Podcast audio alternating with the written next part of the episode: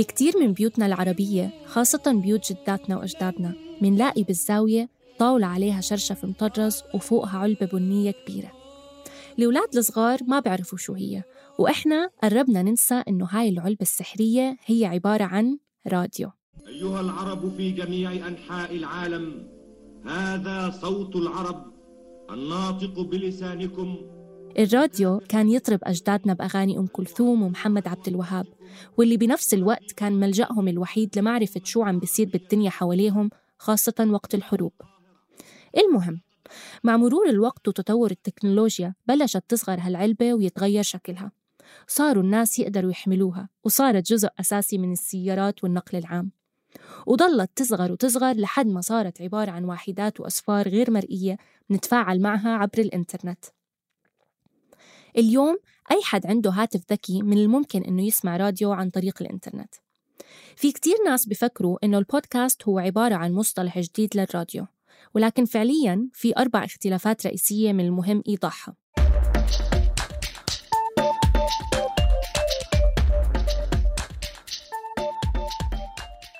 أولاً تاريخ الصلاحية ما بعد النشر.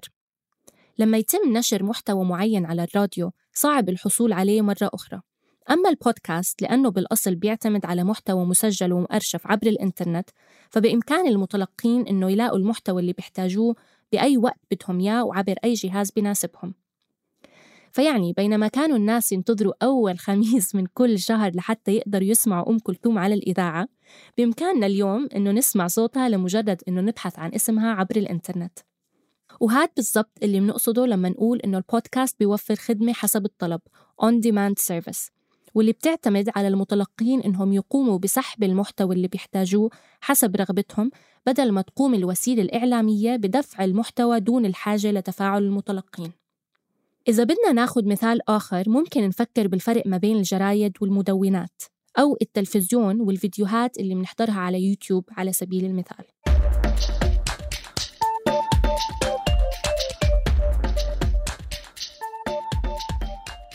الاختلاف الثاني مرتبط بالبث المباشر والمحتوى المسجل مسبقاً. بالعادة الراديو بيعتمد على البث المباشر والمداخلات الحية من الجمهور. أما البودكاست فبكون مسجل مسبقا إلى حد الآن على الأقل وبالتالي بقوم بمناقشة مواضيع مش بالضرورة تكون آنية على عكس الراديو اللي بمعظم الأحيان بيركز على أمور إلها علاقة بالوقت الحاضر.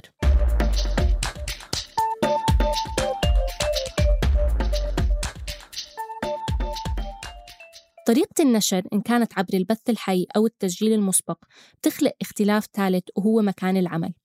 بمعظم الأوقات العاملين بالراديو مجبورين إنه يكونوا حاضرين بمقر الإذاعة لحتى يقدروا يستخدموا التقنيات والاستوديوهات الموجودة.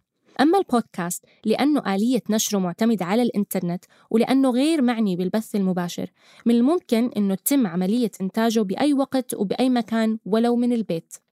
وهذا طبعا بيعني إنه تكاليف إنتاج البودكاست أقل بكتير من تكاليف إنتاج الراديو اللي بيتطلب موقع محدد وتقنيات معينة.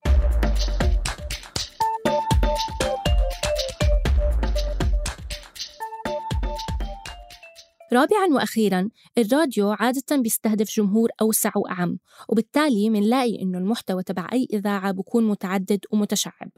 أما البودكاست فعادة بيستهدف جمهور محدود مهتم بقضية أو موضوع معين وبالتالي بكون متخصص أكثر من الراديو.